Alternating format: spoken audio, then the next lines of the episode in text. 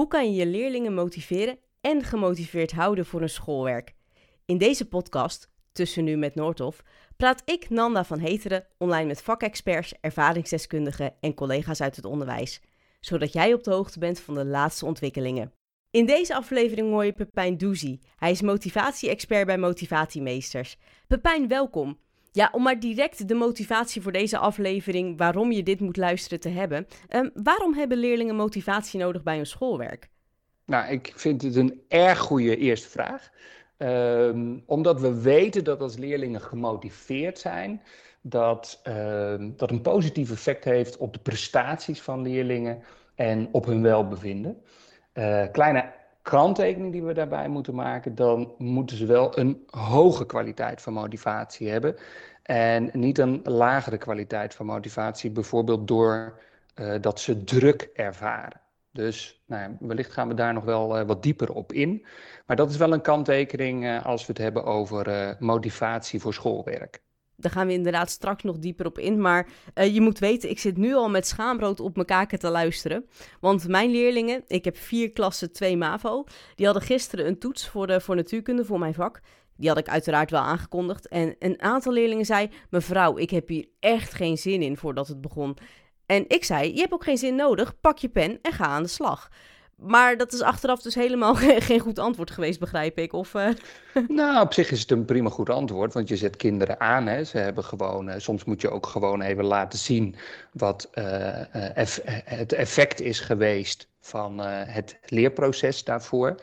Ehm, we weten echter dat, dat als, als je leerlingen bepaalde druk oplegt om te presteren bijvoorbeeld, ja, dan weten we dat, dat de beweging om te presteren niet heel erg duurzaam is. Dus we proberen vooral in onze begeleidingstrajecten uh, docenten te ondersteunen om niet te veel taal te gebruiken. Uh, waarin uh, nou, je maakt maar zin of je moet of ik wil dat, dat soort taal te gebruiken. Oké, nou dan, dan, gaan we dan straks dieper op in op het wetenschappelijke onderbouwde deel en de voorbeelden die je hebt. Maar ik ben eerst benieuwd naar jou. wie ben je? Wat doe je precies voor werk? Ja, uh, ik ben uh, Pepijn Doesie, zoals je al uh, mooi aankondigde. Ik ben werkzaam bij Motivatiemeesters. daar ben ik een van de meesters. Motivatiemeesters is opgericht in 2018. Wij komen allemaal, alle meesters komen uit het onderwijs. Ik kom zelf uit het basisonderwijs. Daar ben ik 25 jaar geleden begonnen als kleutermeester. En ehm, ja, in 2012 um, heb ik gemerkt dat ik wel wat meer de wetenschappelijke onderbouwing van uh, het pedagogisch-didactisch handelen wilde gaan onderzoeken. En toen ben ik onderwijskunde gaan studeren aan de Universiteit Utrecht. Daar heb ik de andere meesters ontmoet en uh, wij merkten dat we één uh, gedeeld onderwerp hadden wat ons heel erg greep. En dat was de zelfdeterminatietheorie, de een van de meest bekende motivatietheorieën wereldwijd. Nou ja, in 2016 zijn de meesters uh, en ik zelf afgestudeerd. En toen zijn we eigenlijk blijven plakken aan elkaar. En toen hebben we gezegd van ja, maar misschien zouden we in het onderwijs wat meer evidence-informed moeten werken. Vooral op het gebied van motivatie. Omdat we allemaal, alle meesters zagen dat naarmate de schoolcarrière van leerlingen vordert, hun motivatie daalt. En dat vonden we best wel bijzonder, want naarmate je dichter klaar bent met school en meer in de maatschappij hè, gaat werken en eh, andere toffe dingen gaat doen, zou je juist meer gemotiveerd moeten raken, uh, was ons idee. Nou ja, dat hebben we verder onderzocht. In 2018 zijn we de motivatiemeesters uh, gestart. Dan misschien nog een hele erge gewetensvraag. Maar heb je zelf in sommige aspecten van je werk ook eens even geen zin? En hoe motiveer je je dan om het wel te doen? Oh ja, er zijn meer dan voldoende aspecten in uh, het werk of in het privéleven waarvan ik denk, ja, daar heb ik echt helemaal geen zin in. Wat ik me altijd wel afvraag dan is, uh, hoe komt het dat ik geen zin heb? Soms komt het omdat ik een klus moet doen die ik misschien zelf een beetje te moeilijk vind. Uh, omdat ik het nog nooit eerder gedaan heb, of omdat ik ervaring heb dat het een hele moeilijke klus is. En vooral die eerste stap, het analyseren wat maakt dat ik er niet zoveel zin in heb, zorgt er van, bij mij in ieder geval voor dat ik nou ja, dan wel zin ga krijgen door bijvoorbeeld uh, hulp in te roepen of nou, het, het specifieke nut ergens van in te zien. En ja, onderaan de streep blijven er zeker nog dingen over waar ik nooit zin in zal krijgen. Bijvoorbeeld het nou ja, doen van belastingaangifte. Maar ik doe het wel omdat het van mij verwacht wordt. Ja, dat laatste lijkt me, lijkt me inderdaad ook heel erg logisch. Je hebt net verteld over je werk bij motivatiemeesters, of eigenlijk over het ontstaan daarvan. Hoe, hoe ziet dat dan eruit in de dagelijkse praktijk? Ja, wij werken als uh, drie meesters in nou, verschillende uh, sectoren in het onderwijs. Hè. We werken in het primair onderwijs, in het voortgezet onderwijs en in het uh, middelbaar beroepsonderwijs. En daaronder steunen we scholen die ehm, ja, aan de slag willen met motiverend onderwijs. dat komt vaak omdat ze merken dat hun leerlingen wat minder gemotiveerd zijn, of dat uh, leraren of docenten wat minder gemotiveerd zijn. Hè, dan krijgen we nog wel eens vanuit uh, het management de vraag om ehm, aan de slag te gaan op die school. En dat zijn onder andere thema's als bijvoorbeeld rondom feedback, hè, want daar is heel veel over te doen. Maar ook vanuit een visie of missie van een school om meer eigenaarschap bij hun leerlingen of bij hun studenten te creëren. En nou ja, alles rondom eigenaarschap, dat heeft natuurlijk te maken met motivatie en uh, ruimte krijgen en ruimte geven. En dat is best wel lastig, ervaren uh, schoolorganisaties. En wij ondersteunen hen dan daarin. En dat doen wij alleen maar op basis van de zelfdeterminatietheorie. En daar koppelen we allebei nou ja, wetenschappelijke inzichten aan rondom scaffolding of feedback geven en dat soort aspecten allemaal. En dat, soms zijn dat losse trainingen, soms zijn dat langdurige begeleidingstrajecten. Dat kunnen ook individuele trajecten zijn met docenten of leraren. Dus dat is heel divers. En, en dan even kort, uh, we gaan het zo dadelijk natuurlijk nog hebben over de determinatietheorie en, en over de andere theorieën, toch? Ja, zeker. Heel graag. Heel graag. Fijn. Want uh, je zei het net al van uh, dat scholen de verantwoordelijkheid voor uh, de prestaties van hun leerlingen meer bij hun leerlingen moeten leggen of gaan leggen of leggen.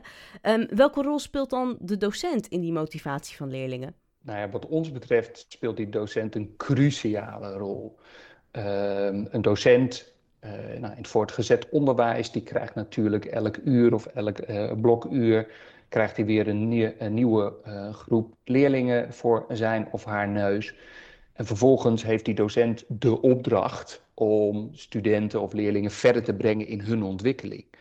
En nou ja, er zijn vele wegen die naar Rome leiden, maar of studenten of leerlingen openstaan om die kennis tot zich te nemen, ja, dat heeft is het pedagogisch didactisch handelen van de leraar, van de docent, speelt daar echt een cruciale rol in. Nu, nu is er een PISA-onderzoek over leerlingmotivatie en daarin staat... in vergelijking met andere landen zijn Nederlandse leerlingen in het voortgezet onderwijs, dus het VO, minder gemotiveerd om te leren. En dat is door OECD in 2016. Um, recent Nederlands onderzoek laat onder meer zien dat leerlingen gemotiveerd beginnen aan de eerste klas van het voortgezet onderwijs, maar dat deze motivatie in de jaren daarna daalt. En dat zeggen Wijsman en anderen in 2018. Dus Nederlandse leerlingen blijken zelf de minst gemotiveerde lezers ter wereld te zijn uit de SLO van 2017. Herken jij dit ook? Nou, uh, ik herken deze onderzoeken, die herken ik wel. Uh, maar als wij in scholen komen, is de motivatie van leerlingen gewoon heel divers. We zien uh, hele sterke verschillen. En dat, dat, zal de luisteraar wellicht ook wel herkennen. Uh, sommige leerlingen lopen weg met bepaalde docenten, terwijl uh, andere leerlingen met andere docenten eigenlijk helemaal niet door één deur kunnen. En dat heeft onder andere te maken natuurlijk met de kenmerken van het vak. Uh, leerlingen hebben een bepaald vakkenpakket. Nou, daar hebben ze wel of geen affiniteit mee.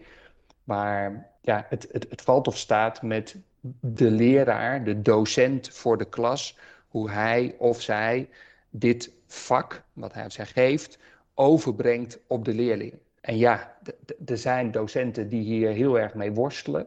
Er zijn natuurlijk best wel wat problematieken in het onderwijs. We krijgen best wel veel leerlingen binnen met nou, best wel grote dossiers, uh, grote klassen. En ja, uh, probeer als docent al die leerlingen maar eens optimaal te bedienen. Dat is echt een enorme klus. En ja, dat, dat lukt niet altijd. Maar wij zien echt enorme verschillen binnen scholen in hoe leerlingen hun docenten als motiverend ervaren. Dus dat leerlingen de minst gemotiveerde leerlingen zijn ehm, ter wereld. Daar twijfel ik over. Ik weet wel dat het onderzoek van het SLO heel specifiek ging over de meest, minst gemotiveerde lezers ter wereld. Maar volgens mij zei je dat net ook. Ja, ja en dat, dat herken ik ook wel zelf in mijn eigen onderwijspraktijk. Maar uh, ik, ik, verbaas me hoe groot de rol dan van de docent is. Want um, in sommige gevallen, ja, weet je, ik, ik kan voor sommige leerlingen bij wijze van spreken een clownspak aantrekken voor de klas. Maar die krijg ik nog steeds echt niet gemotiveerd voor mijn vak. Ook al, dat, ook al dat ze me heel aardig vinden, tenminste dat zeggen ze. Of ze doen zo, maar die denken echt, nou natuurkunde, nou het zal me wat, echt. Ja, en, en heb je dan een idee dan, uh, wat uh, wat maakt dat ze dat vak dan niet leuk vinden? Ik vind het moeilijk, ik vind het stom, um, geen zin. Dat soort dingen krijg ja. ik allemaal te horen. Ja. Maar, maar, maar niet specifiek op wat we hebben gedaan. Of ja, nou, het was wel leuk, maar toch, nee, ga ik nog steeds niet doen. Een soort van koppigheid. Ja. Um, of, oh, dat ken ik al. Een soort van eigenwijsheid. Ja, ja. Dus ik, ik weet het niet. Maar, de, dus, dus je antwoord verbaast me. nou, wat wel interessant is, is het woord wat je gebruikt, is ik vind het moeilijk. Wat we natuurlijk zien aan gedrag bij leerlingen, daar zit dat, dat ijsbergprincipe, wat, wat onder water zit, dat zien we niet. Dus een leerling die zegt ik vind het stom of vind het niet leuk, dat is het gedrag wat we zien. Maar de aanleiding van dat gedrag zit hem uh, mogelijk bij, uh, of het antwoord daarop is mogelijk te vinden bij een van de basisbehoeften, de psychologische basisbehoeften van ieder mens. En dat is de basisbehoefte competentie. Wat we namelijk zien in het onderwijs, maar dat zien we overigens ook in het bedrijfsleven, is dat als je ervaart dat je iets niet kan, ik gaf dat voorbeeld net zelf ook, hè, van mm -hmm. iets hè, waar ik wat minder gemotiveerd voor ben. Als je merkt dat je iets moet doen wat je niet zo goed kan, dan uh, kan het zijn dat de kwaliteit van je motivatie daalt. En uh, in het onderzoek in de zelfdeterminatietheorie wordt dat amotivatie genoemd. We kennen allemaal wel extrinsieke motivatie en intrinsieke motivatie. Maar er is ook nog een andere vorm van motivatie. Dat is de laagste kwaliteit van motivatie. En dat wordt amotivatie genoemd. En dat, wat we dan zien in een klas is een soort onverschillige houding. Ik weet niet of je dat ook herkent bij de kinderen, eh, eh, leerlingen in jouw klas. Oh ja. Ja, ja. ja. ja. ja. En, en het is heel interessant om eens door te vragen. Ja, dat is in een klas soms best lastig, hè? want ja, ik ben een tiener en hoe ga ik me dan. Uh, ik, hè, ik, wil niet afgaan ten opzichte van mijn klasgenoten, dus uh, ik ga daar niet serieus antwoord op geven bij de docent. Maar als je soms in een één op één situatie met een leerling zit en je hebt het dan over. Uh, nou, wat maakt nou dat je dit zei? Hè? wat vind je er dan precies lastig aan? Dan ga je het gesprek aan met de leerling, waardoor de leerling zich gehoord en gezien voelt. En kan de leerling mogelijk ook wel aangeven dat hij bepaalde aspecten van het vak, jouw vak in dit geval, misschien zo lastig vindt, waardoor dus ook de kwaliteit van de motivatie daalt. Ja, en, en, en leerlingen zijn natuurlijk jong, ja, die, die gaan dan bijvoorbeeld onverschillig gedrag vertonen. Dus het is wel interessant om wat dieper in te gaan als docent op de redenen waarom leerlingen dit soort uitspraken doen. Dat ga ik zeker, uh, zeker meenemen, dankjewel. We hadden het trouwens net al over hè, dat PISA-onderzoek en dat Nederland afwijkt in minst gemotiveerde lezers ter wereld ten opzichte van andere landen. Uh, waarom denk je dat dat zo is? Nou ja, kijk, ik, ik, ik heb zelf, loop ik 25 jaar rond in basisonderwijs en ik ben geen leesspecialist, maar wat ik daar wel heb gezien is, nou, er zit best wel veel druk in het onderwijs op presteren. We hebben een, een, een, cultuur met elkaar geaccepteerd, omarmd zou ik niet willen zeggen, maar wel geaccepteerd, dat we twee keer per jaar hè, die welbekende uh, CITO-toetsen moeten maken. En uh, nou ja, de uitslag van de CITO-toets, uh, tweejaarlijks, geeft aan hoe jij presteert ten opzichte van de anderen in Nederland. Hè. De welbekende A tot en met E of 1 tot en met 5 uitslag. Nou, als jij als leerling ziet dat je de hele tijd een E-score hebt, hè, dan behoor je tot 10, 15 procent van de laagscorende kinderen van Nederland. Of een 5-score. Ja, dan, als je dat keer op keer, twee keer per jaar al te zien en te horen krijgt, dan heeft dat natuurlijk best wel een invloed, effect op het geloof in eigen kunnen. En dat maakt dan ook dat als je merkt dat je iets niet kan en je wordt bevestigd door middel van toetsen en toetsuitslagen, dat jij nou ja, tot de laagscorende kinderen van Nederland behoort. Ja, dan ga je wat meer afdrijven naar die A-motivatiekant. En dan ben je dus niet zo snel genegen om te zeggen van nou, ik ga thuis nog eventjes als ik uit school kom extra uh, gaan zitten lezen, een boek pakken, om vaardiger te worden. Dus dit geloof in eigen kunnen, door de manier waarop wij omgaan met toetsing in het onderwijs, nou, dat is wel een belangrijk, heeft een belangrijke relatie tot motivatie van leerlingen. Waarom denken jullie dat de leerlingmotivatie de afgelopen decennia is gedaald? Nou, als ik kijk naar de afgelopen twee, tweeënhalf jaar, dan is het wel heel logisch dat de motivatie hmm. van leerlingen gedaald is. Hè. in het kader van corona, periode van afstandonderwijs, ja, dat heeft echt een enorme deuk uh, geslagen in de motivatie van, uh, van leerlingen.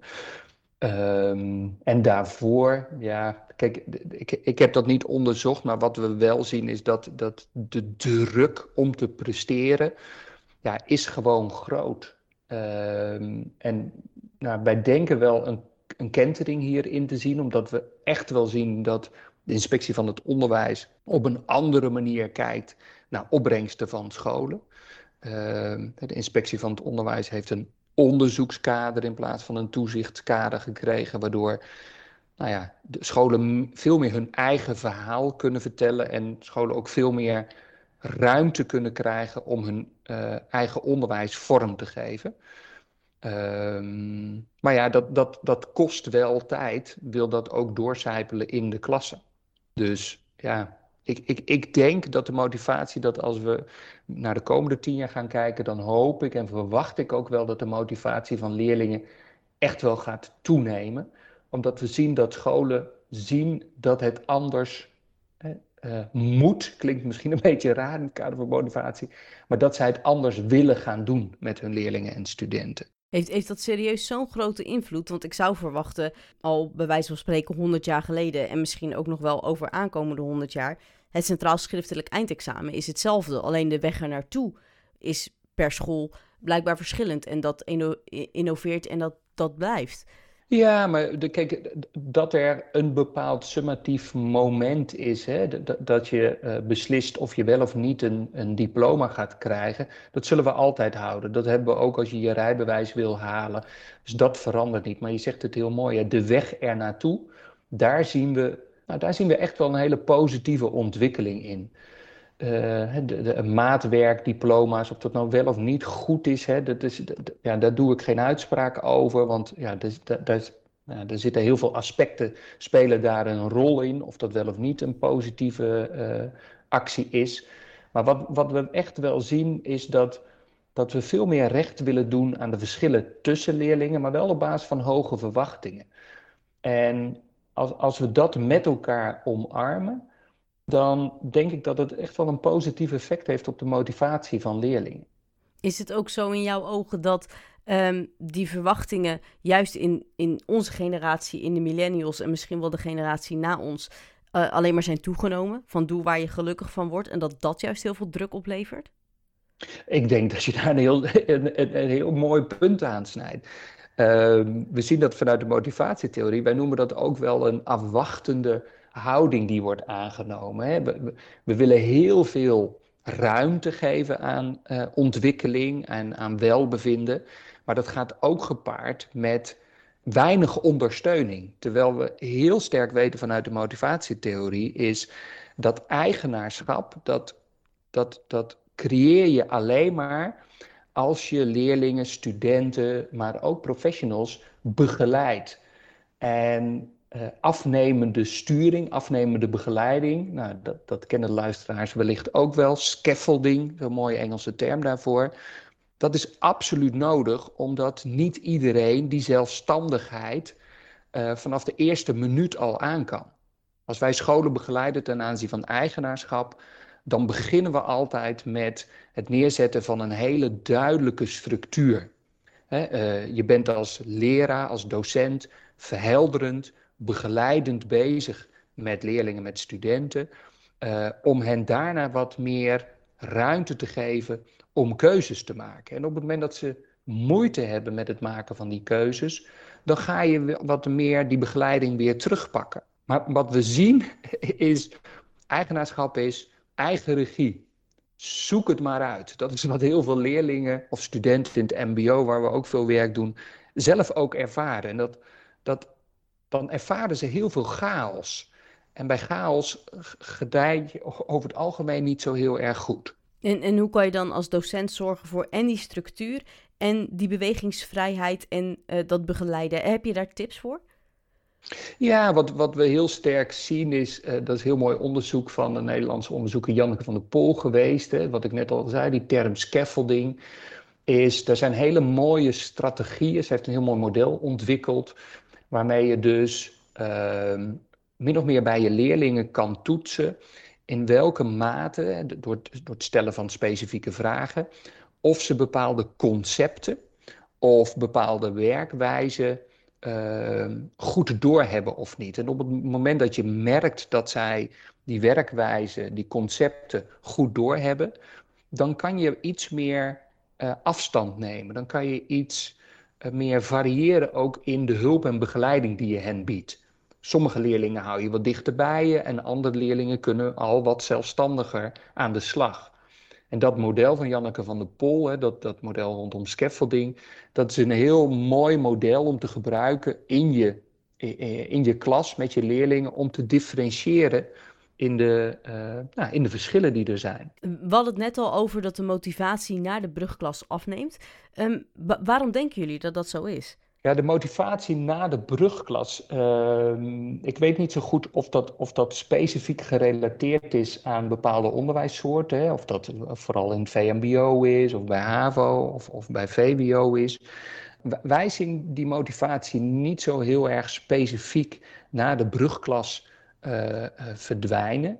Ik, ik denk wel dat het deels misschien te maken heeft met de uh, persoonlijke ontwikkeling van leerlingen. Hè? Dus ja, ze worden wat ouder, er gaan andere dingen spelen in hun leven. Hè? Het, het, puberen, het puberbrein, daar gebeurt natuurlijk van alles in.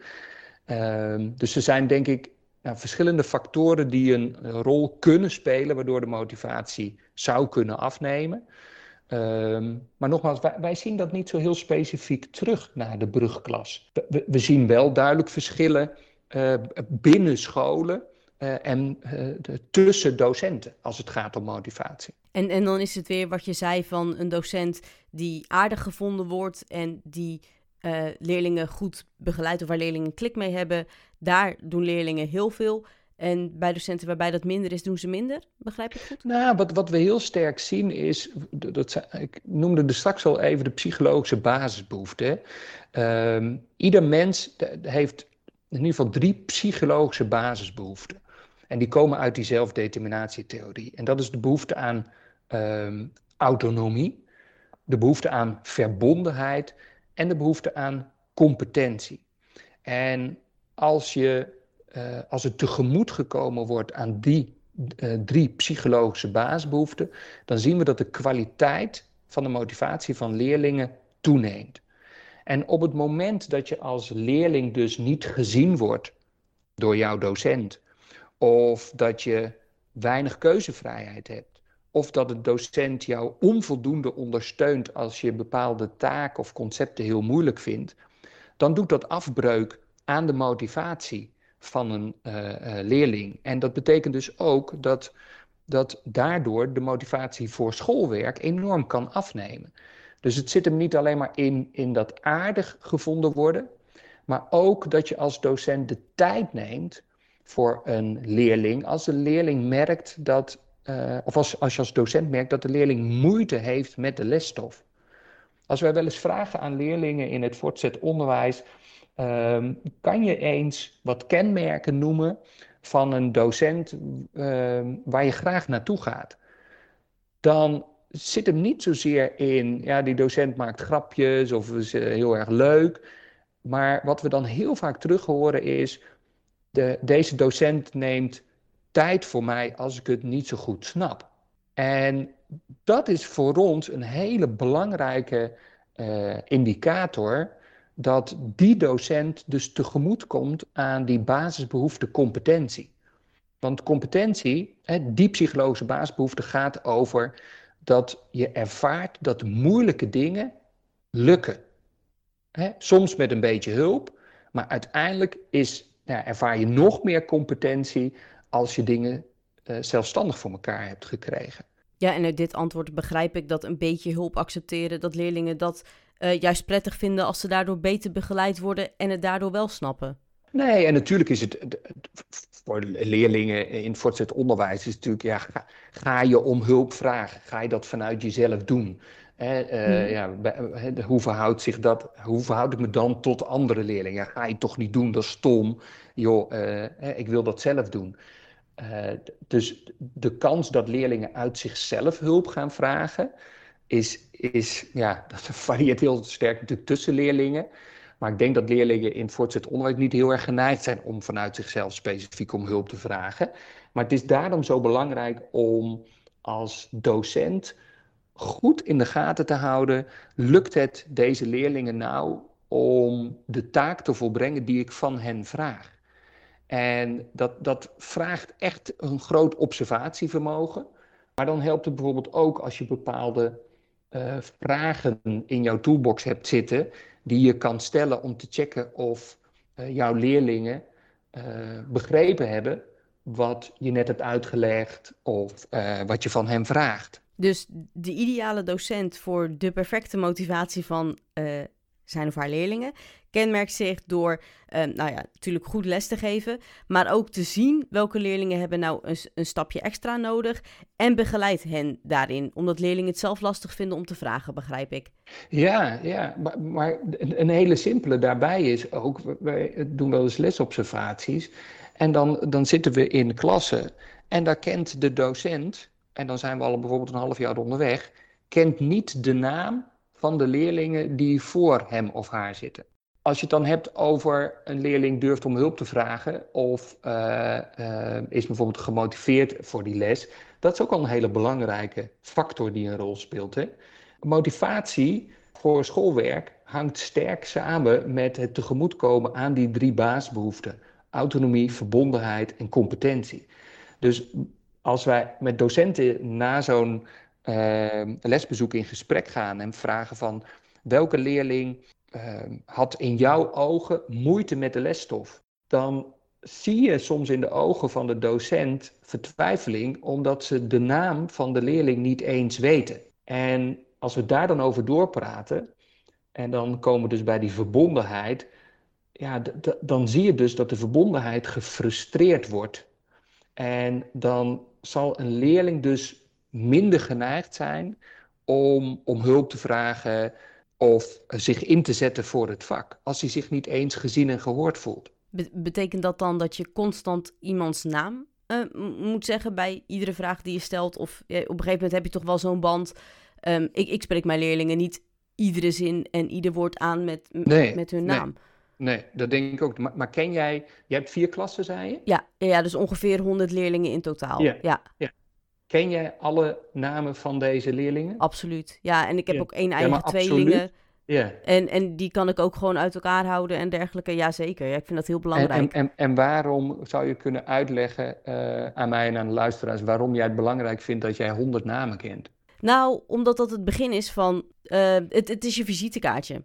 Je maakt zo kennis. Dat vind ik belangrijk, dat ze weten van... Hè, op basis van die naam weet je uh, of dat je iemand kent of hebt ontmoet maar ik ken natuurlijk ook de persoonlijkheid die erachter zit. Maar ik kan ja, niet... dus je kent niet alleen de namen, je kent ook nog specifieke kenmerken van de betreffende leerling. Ja, tuurlijk. Ja, dus ik ga niet zeggen van jij die moeite had met die vraag omdat je het zo lastig vindt om deze berekening toe te passen. Of nee, nee. Dat, dan, je weet natuurlijk wel wat erachter zit. Ja, maar het grappige is dat jij zegt, hè, de, uh, absoluut, hè, ik ken de namen absoluut. En natuurlijk ken ik de namen en de kenmerken. Dat, dat is voor jou vanzelfsprekend. Waarschijnlijk ook omdat je dat uh, belangrijk vindt. Hè? Een, een mm. goede docent kent zijn leerlingen. Is dat zo? Vind jij dat een kenmerk van een goede docent? Ja, maar dat ligt niet per se aan de naam. Dat ligt vooral aan dat je weet waar die persoon uh, het goed op doet en waar die persoon moeite mee hebt, heeft en uh, hoe je die persoon goed kan begeleiden. Daar zit het hem wel in. Uh, dus, dus in die zin heb ik er een hekel aan om iedere keer iemands naam te noemen in. Uh, nee, in maar dat hoeft ook niet, hè? Want dat is ook als, als ik die indruk had gewekt, nee, dan nee, nee. dat zeker ook niet, niet stimuleren om dat te doen. Maar uh, als je, wij komen echt bij verschillende collega's in de lessen kijken en dan jij of hey daar of daar achterin, dat soort woorden, dat, dat zorgt eigenlijk voor een afstand. En daarmee wordt de basisbehoefte relatie eigenlijk gefrustreerd. En nou, als dan een leerling ook nog eens moeite heeft met de lesstof, hè, dus dan wordt ook nog de basisbehoefte competentie gefrustreerd. En als een leerling dan ook nog eens een keer weinig ruimte ervaart om op zijn eigen manier bijvoorbeeld de lesstof te verwerken, ja, dan, dan ben je dus op drie basisbehoeften wordt de leerling dan gefrustreerd. En nou ja, dat heeft een negatief effect op de kwaliteit van de motivatie. En dat blijkt dus uit onderzoek van de zelfdeterminatietheorie, dat die drie basisbehoeften, dat het zo belangrijk is, en we noemen dat ook wel de ABC-mindset, autonomie, verbondenheid, hè, daar is die, die B voor, en competentie. Die ABC-mindset voor de docent is van cruciaal belang in zijn lesgeefstijl. Ja, en nu, snap ik ook beter hoe je dat goed kan plaatsen in, in je lessen. En Um, jullie inspiratiebron is de wereldwijd leidende motivatietheorie van Edward Dacey en Richard Ryan. Diezelfde determinatietheorie waar je het net over had.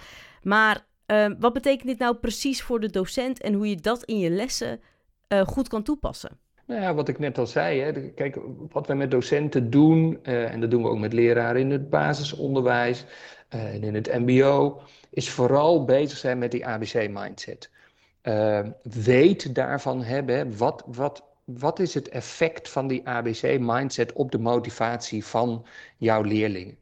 als jij helemaal geen ruimte hebt om uh, te kiezen hoe jij jouw werk in de klas uitvoert, dan doet dat afbreuk aan autonomie. Uh, wat we net al zeiden, die verbondenheid, als je niet eens, als een docent niet eens weet hoe, hoe je heet, uh, of je moeder ziek is bijvoorbeeld thuis, of, of je nog broertjes, zusjes hebt, of je het vak überhaupt wel leuk vindt of niet, dan doet dat afbreuk aan de basisbehoefte verbondenheid. En nou, competentie is, wat ik net al even zei, gaat heel sterk over ehm, ja, welke doelen heb ik te bereiken? Wat vind ik moeilijk? Welke hulp kan ik daarbij gebruiken? En die ABC-mindset, dat is dat is voor een docent van cruciaal belang, omdat hij daarmee invloed kan uitoefenen op de motivatie voor schoolwerk van de, zijn of haar leerlingen. Nu heb je deels al het antwoord gegeven wat deze theorie betekent voor de leerlingen, maar um, hoort daar nog iets meer bij? Ja, er hoort zeker denk ik wel wat meer bij, omdat die ABC-mindset is één. Uh, maar het andere is uh, inzicht wat je zou kunnen krijgen als docent, is wij kennen allemaal intrinsieke motivatie en extrinsieke motivatie. Maar vooral ook inzicht in A-motivatie en wat die extrinsieke motivatie dan bijvoorbeeld uh, betekent. Dat is wel, nou ja, dat, dat, die inzichten, als je die hebt als docent, dan uh, kan je ook je eigen stijl gaan aanpassen. En Daisy en Ryan hebben uh, verschillende vormen van motivatie onderzocht. En zijn min of meer uh, de verdieping ingegaan ten aanzien van extrinsieke motivatie en intrinsieke motivatie. En zij kwamen in hun nou, wereldwijd onderzoek, hè, dit is al onderzoek wat al sinds de jaren 60, 70 speelt, is niet alleen in het onderwijs uitgevoerd, maar in allerlei sectoren. En zij kwamen tot verschillende typen motivatie. En wat wij heel veel zien in het onderwijs is uh, uh, vormen van gecontroleerde motivatie bij leerlingen. En we noemen dat ook wel motivatie. En gecontroleerde motivatie gaat over externe druk en interne druk. Heel veel leerlingen in het onderwijs uh, hebben externe druk. Zij komen in beweging om een beloning te krijgen, bijvoorbeeld een goed cijfer, of een straf te vermijden. Je gaat nu beginnen. Je pakt nu je boek. Je gaat nu deze opdrachten maken. Uh, heel veel vanuit moeten. Het kan ook zijn dat leerlingen uh, in beweging komen vanuit interne druk. Hè, leerlingen die de lat heel hoog voor zichzelf leggen en nou eigenlijk schuld of schaamte willen vermijden of misschien zelfs een bepaalde bewijsdrang hebben, die hebben uh, interne druk. En zowel die externe druk als die interne druk, dan praten we over motivatie of gecontroleerde motivatie. En dat wordt onder andere door de context waarin zij les krijgen, wordt dat bevorderd, die gecontroleerde motivatie. Of dat wordt niet bevorderd en dan kom je bij de autonome motivatie uit. En autonome motivatie gaat over dat een docent bijvoorbeeld heel duidelijk het nut en belang uitlegt van bepaalde lesstof. En geeft aandacht aan zijn leerlingen. En die autonome motivatie, ja, de Belgen noemen dat heel mooi goesting, dat is iets waar je invloed op kan hebben in de manier waarop jij lesgeeft dan moet je wel een ABC-mindset hebben. Dan moet je dus snappen wat autonomie is, wat verbondenheid is, wat competentie is. Maar autonome motivatie kan jij dus bevorderen door jouw manier van lesgeven. En, en hoe zou je dat kunnen bevorderen? Oké, ik ken wel een beetje mijn eigen manier van lesgeven, maar iedere docent doet het natuurlijk anders. Heb je, heb je misschien een paar praktische tips? Ja, er zijn vele tips. Hè. Ehm, heel mooi onderzoek wat uh, Nathalie Aalterman onder andere gedaan heeft en uh, Maarten van Steenkisten. Wat zij gezien hebben is dat, uh, dat als jij structuur biedt als docent en daarnaast autonomie, ondersteuning, dat dat een positief effect heeft op de motivatie van jouw leerlingen. Nou, en hoe bied je nou structuur? Nou, een, een, een hele mooie vorm is dat jij een verhelderende uh, stijl aanneemt. Dat betekent dat jij duidelijke verwachtingen uitspreekt en dat je die verwachtingen ook checkt of leerlingen die uh, kunnen opvolgen. Dat je overzicht geeft over de lesstof. De lesstof van vandaag staat op deze manier in relatie tot de lesstof van deze periode, of misschien zelfs in de richting van het examen. Dan ben je op een hele verhelderende manier met leerlingen bezig.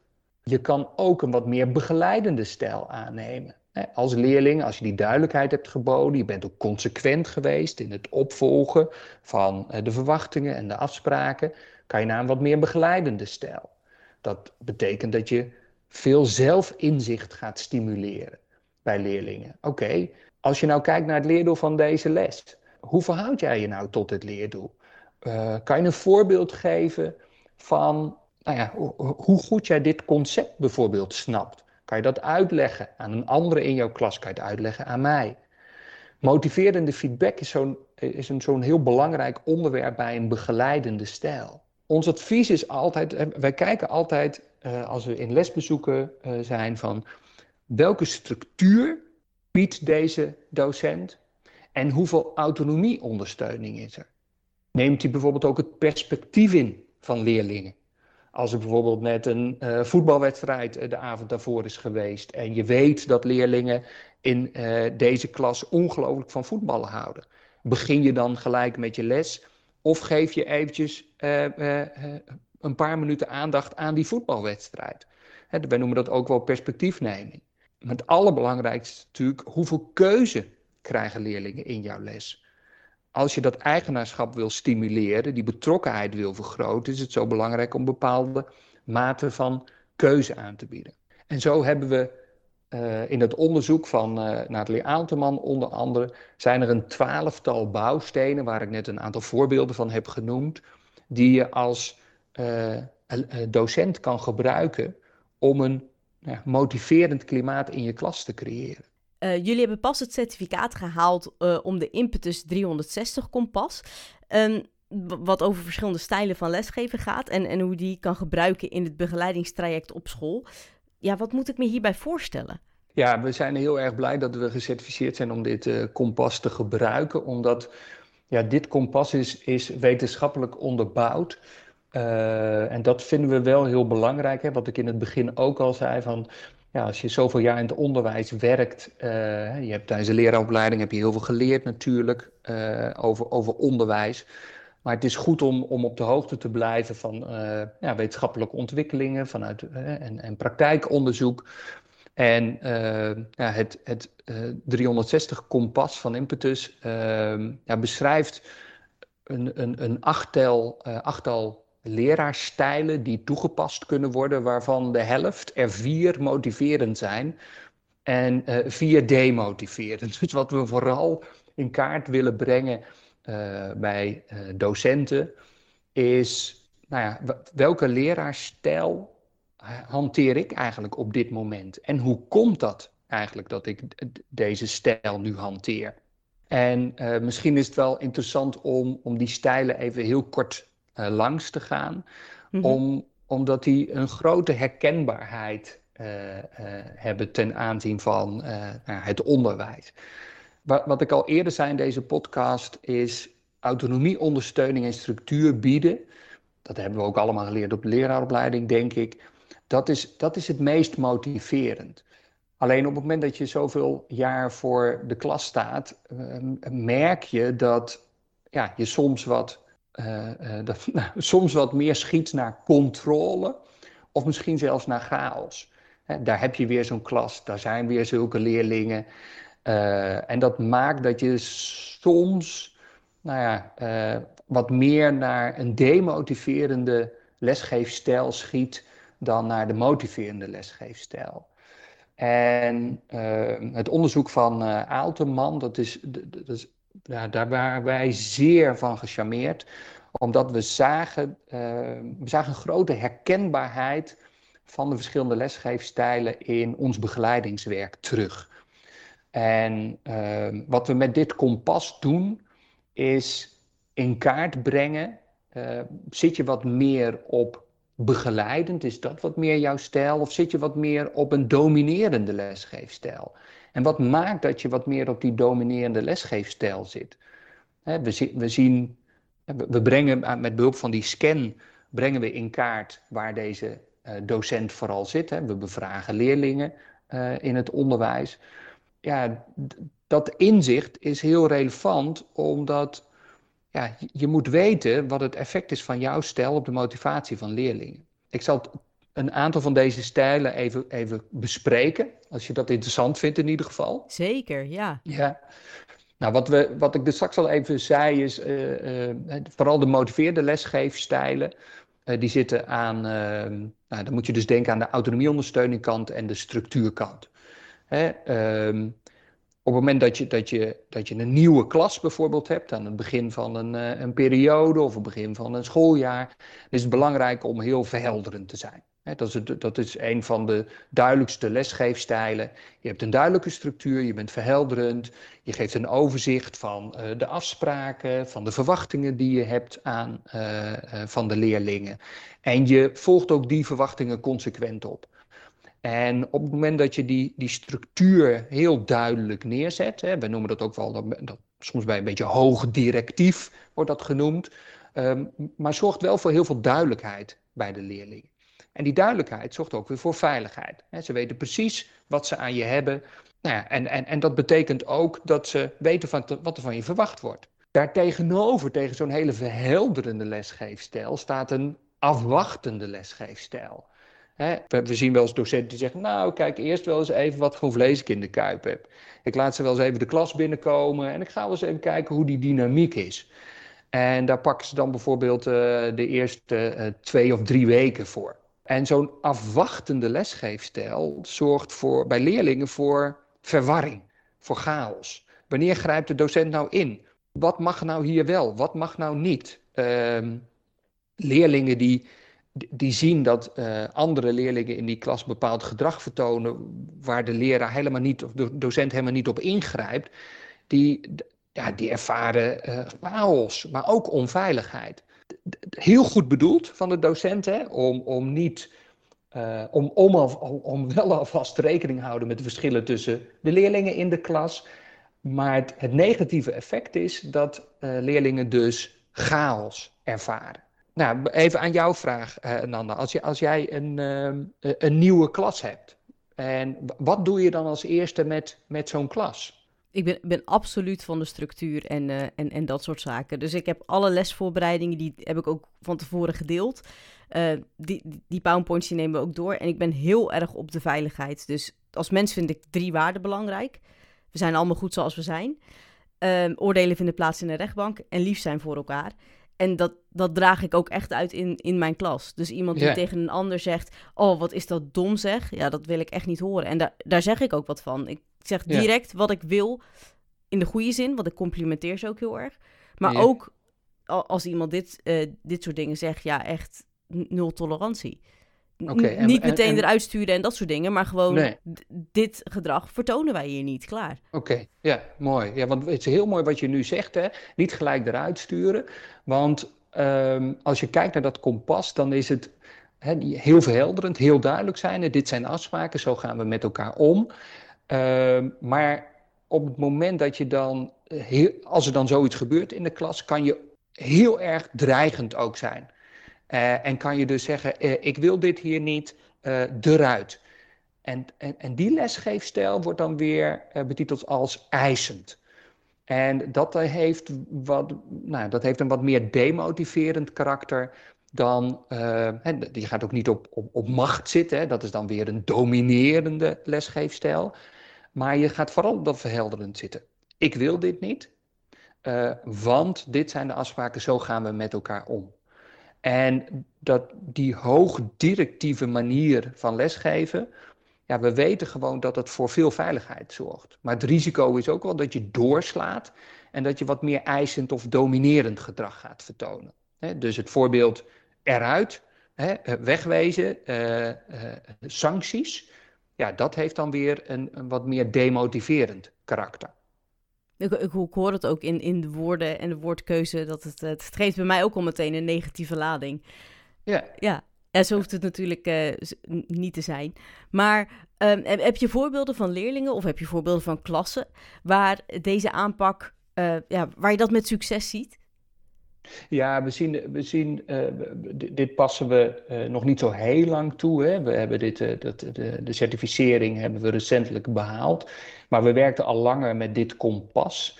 En, en wat we vooral zien is de bewustwording bij de docent dat die verschillende stijlen, hè, lesgeefstijlen, dat die daartussen kan en mag variëren afhankelijk van de kenmerken van de leerlingen die op dat moment in zijn klas zitten. Daarmee zetten we samen met docenten kleine stapjes. Want heel veel docenten denken: oh, moet het roer nou compleet om? Moet ik nou afscheid nemen van alles wat ik altijd geleerd had en deed? Nee, helemaal niet. Het begint bij bewustwording, wat het effect heeft van jouw stijl van lesgeven op het gedrag wat leerlingen laten zien in de klas. En dat is de eerste stap die we zetten met docenten. Bewustwording. Wat, heeft, wat is het effect van mijn lesgeefstijl op het gedrag van leerlingen? Wat doe ik concreet? Welke taal gebruik ik? Gebruik ik veel dwingend taalgebruik? Pak allemaal je boek. dat is dwingend taalgebruik. En dat is ook externe druk. Uh, als je routines inbouwt, en je schrijft het op het bord uh, waar je mee gaat starten, dan zou je niet eens uh, hoeven uit te spreken dat leerlingen hun boek hoeven te pakken. Dat vraagt om een investering, hè, een, een verhelderende investering vanaf dag één. Het is ook heel vermoeiend als je als docent elke keer weer moet uh, uh, uitspreken wat je van je leerlingen verwacht. Ik weet niet of jij die ervaring uh, veel hebt, Nanda? Niet met het dat, ze, dat ze binnenkomen en hun spullen pakken. Uh, waar ik wel echt lang op heb gezeten met deze leerlingen is uh, aan het einde van de les doe ik nog een, een, een, samenvatting, geef ik ze ook het woord en dergelijke, vertel ik wat er goed ging, uh, wat we de volgende keer gaan doen. En dan zijn er leerlingen die gaan al inpakken, terwijl de les ja. duurt nog vijf minuten. Nou, ja. daar kan ik echt ontzettend gep gepikeerd over worden. Maar daar ben ik echt tot vanaf de zomer tot zeker wel de herfst en misschien wel de kerstvakantie mee bezig geweest. Van, ik heb nog niet gezegd dat we gaan inpakken. En op dat moment ben ik wel echt heel, um, ja, heel streng. En, en dat soort dingen. Maar we gaan hier toch nog niet inpakken. De les duurt nog vijf minuten. Of ik ben nog gewoon aan het praten. Of jullie zijn nog aan het woord, weet je. Dus in, in die zin ervaar ik dat wel heel erg, ja. Ja. En, en, en waarom gaan leerlingen aan het eind van de les bij de laatste vijf minuten inpakken? Omdat ze dan vooraan willen staan bij een broodje in de pauze. En dan zijn ze sneller weg wanneer de bel gaat. En, en dat soort dingen. Dat, dat hebben ze dan in hun hoofd. En ja. ja. ja. Maar dit is zo mooi, hè? Van dat, dat, is, dat je dus rekening houdt met de kenmerken van deze leerlingen. Waarom willen ze weg? En natuurlijk zit er dan frustratie van, uh, hallo, ik ben nog niet klaar. Ik heb namelijk nog iets te doen met jullie. Maar je, het feit dat je rekening houdt met uh, uh, dat ze op tijd weg willen omdat ze vooraan willen staan voor het broodje, is al een, een, een, een hele belangrijke stap. En als je daar in je, in je bewoordingen ook gebruik van maakt, dat je zegt, oké, ik wil nog even afronden, zodat jullie zometeen gelijk uh, naar buiten kunnen om op tijd bij de, bij de balie te staan om je broodje te halen, wil ik graag eerst nog even dit met jullie doen. Als je het nut even benoemt en dus rekening houdt met de kenmerken, zal je over het algemeen zien dat leerlingen al wat meer gemotiveerd zijn om nog niet hun tas in te gaan pakken, omdat ze doorhebben dat jij hen snapt. Dat, dat is grappig wat je zegt, want nu krijg ik echt meteen het bewustwording waar je het eerder over had. En, en ook wel een soort van opluchting van je hoeft niet je hele onderwijspraktijk om te gooien uh, om beter om te gaan met de motivatie van je leerlingen. Dus dat, dat vind ik heel prettig. Uh, heb je nog meer van die tips? nou ja, wat ik leuk vind is dat je dat echt... Want het zit hem soms in hele kleine dingen. En we weten allemaal, taal maakt of breekt hè, de communicatie. Dus op het moment dat jij uh, jij weet wat je wil. Jij hebt heel duidelijk voor ogen, uh, dit is mijn lesstructuur. Aan het eind van de les wil ik nog even een, een exit ticket doen of, of, of wat dan ook. Hè. Ik wil mm. nog even uitchecken. Ik wil nog even met de leerlingen terugblikken op deze les. Ik wil nog even vooruitblikken. Maar je weet ook dat leerlingen naar dat broodje willen. En uiteindelijk bepaal jij welke taal je gebruikt om leerlingen tot op de laatste minuut nog even verbonden te laten zijn aan jouw les. En, uh, ja, en dat is ook uitproberen. Kijken wat werkt. De, Pedro de Bruiker zegt ook heel mo mooi altijd in, in zijn lezingen: uh, One size doesn't fit all. Je moet variëren in taal, uh, afhankelijk van de leerlingen die je op dat moment voor je hebt zitten. Dus wat je bij de ene klas wel kan doen, betekent niet dat het bij de andere klas ook zo werkt. En dat maakt het leraarschap ook zo super interessant. Tenminste, dat vind ik. Ja, dat ben ik helemaal met je eens, ja. Deze, deze podcastaflevering begon met de vraag: hoe kan je je leerlingen motiveren en gemotiveerd houden voor een schoolwerk? Ja. Uh, hoe doe je dat? Ja, dat is gewoon knijten hard werken. dat is gewoon zo. Ik kan dat niet anders zeggen. Ik zeg altijd, weet je, als, als leraar, als docent moet je snot voor de ogen werken. Dat is gewoon zo. Het is gewoon, en helemaal hè, als je het hebt over het VO, hè, waarbij je elke keer weer een andere klas voor je neus krijgt. Het is gewoon knijten hard werken. Uh, je hebt een opdracht, eh, ze moeten namelijk vaardiger worden in jouw vak. En uh, je moet met hen, met, die, met, met, met zo'n klas, met individuele leerlingen, op onderzoek gaan. Wat werkt nou? Wat werkt voor ons in deze samenstelling, in, in, in deze periode van de week? Um, en dat vraagt van een docent een hele open houding naar zijn leerlingen of haar leerlingen. Openstaan, een dialoog voeren over hoe zitten we erbij, wat is er gebeurd in de vorige les. Uh, als jij met jouw vak uh, na gym zit, dan, dan heb jij een hele andere dynamiek dan als je bijvoorbeeld aan het eind van de dag of aan het begin van de dag zit. Ik noem maar even wat. Weet welk vak leerlingen hiervoor hebben gehad. En ja, je kan natuurlijk rekening houden met hoe leerlingen ten aanzien van jouw eigen vak staan. Hè, of ze het een tof vak vinden of niet, of ze het moeilijk vinden of niet. Maar het is ook nog wel interessant om te kijken waar zit jouw vak in het lesrooster van deze leerlingen. En dat is, dat is investeren. En vooral als, als lesroosters veranderen gedurende een jaar, moet je weer opnieuw investeren en rekening houden met dit soort kenmerken. En dat vraagt een open houding van jou naar collega's, naar leerlingen, maar ook naar jezelf. Hoe reflectief ben jij zelf? Eh, waar leg jij de lat, Landa? Wat vind jij belangrijk? Wat leerlingen aan het eind van jouw les, hoe ze jouw les uitgaan? Dat ze uh, de les uitgaan met een veilig gevoel, met een goed gevoel van, nou ja, misschien dat hun doelen niet persoonlijk gehaal, behaald zijn, maar wel dat ze een end op weg zijn. Dus dat, dat ik vooral nadruk leg op het Succeservaring? Ja, precies. Ja. Uh, en uh, ook, ook een stukje geluk. Ja, yeah. dat halen ze deels dan uit die succeservaring. Uh, deels uit hard werken, maar deels ook uit dat ze met elkaar dat practicum maar gewoon wel goed hebben gedaan. Dat ze snappen waar het over gaat. Dat ze niet alleen zien natuurkunde is nuttig. Tenminste, ik hoop dat ze dat zien. Maar dat ze er ook lol in hebben. Ja, dus, oh, dus in die zin ja, probeer ik daar wel heel erg, heel erg op te zitten en op te letten. Maar je zei net een open houding. Ik, ik hoor eigenlijk ook indirect flexibiliteit daarin. Dat je constant aan het zoeken en aan het sturen bent. Ja, weet je, dat is, ik, ik zei het net al, het is, docentschap, leraarschap is gewoon knijterhard werken. Uh, je krijgt allemaal individuen voor je neus. Uh, daar zit een dynamiek tussen die individuen. Er, zit, er zitten uh, persoonskenmerken in de individuen. En ja, weet je, dat, dat is het is bijna ondoenlijk om daar met, met al die verschillen rekening te houden. Maar, maar, maar, we weten gewoon uit onderzoek dat als jij een ABC-mindset hebt, als je dus rekening houdt met die drie psychologische basisbehoeften en, en, en door die bril kijkt naar jouw lessen, hoeveel keuzes geef ik in deze les mijn leerlingen? Zijn er verschillende taken die ze kunnen doen? Hè? We noemen dat vier T's. Om even gelijk een voorbeeld hiervan te uh, geven. Als we het hebben over, over keuze, dan is het als, als docent is het, nou, adviseren wij altijd, om te kijken naar hoeveel keuze kan ik mijn leerlingen bieden in deze les. Ik zou dat niet zeggen in een heel leer, uh, leerjaar, maar vooral in deze les. En wat we dan als advies geven is, denk dan aan vier T's. Team, taak, techniek en tijd.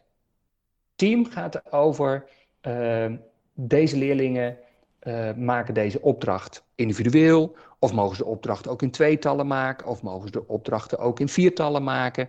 Dus hoeveel keuze kan ik de leerlingen bieden ten aanzien van team? Taak gaat over, uh, moeten alle kinderen of alle leerlingen deze taak maken, of heb ik nog een extra taak die ze kunnen maken? Of heb ik een variatie tussen twee taken, bijvoorbeeld van dezelfde moeilijkheidsgraad of variërend in moeilijkheidsgraad? Hoeveel keuze kan ik de uh, leerlingen daarin bieden? Techniek gaat over um, hoe mogen de leerlingen deze lesstof verwerken? Wil ik dat ze dat op papier doen, omdat ik weet dat als ze schrijven, dat dat uh, nou, een belangrijke eerste stap is voor het verwerken van nieuwe lesstof? Of uh, moeten ze het op de computer maken. We, hebben, we zijn enorm aan het digitaliseren geweest in het onderwijs. En heel veel leerlingen maken dingen op de computer. Um, maar mogen ze bijvoorbeeld ook een filmpje maken van een practicum? Is, is daar bijvoorbeeld ook ruimte voor?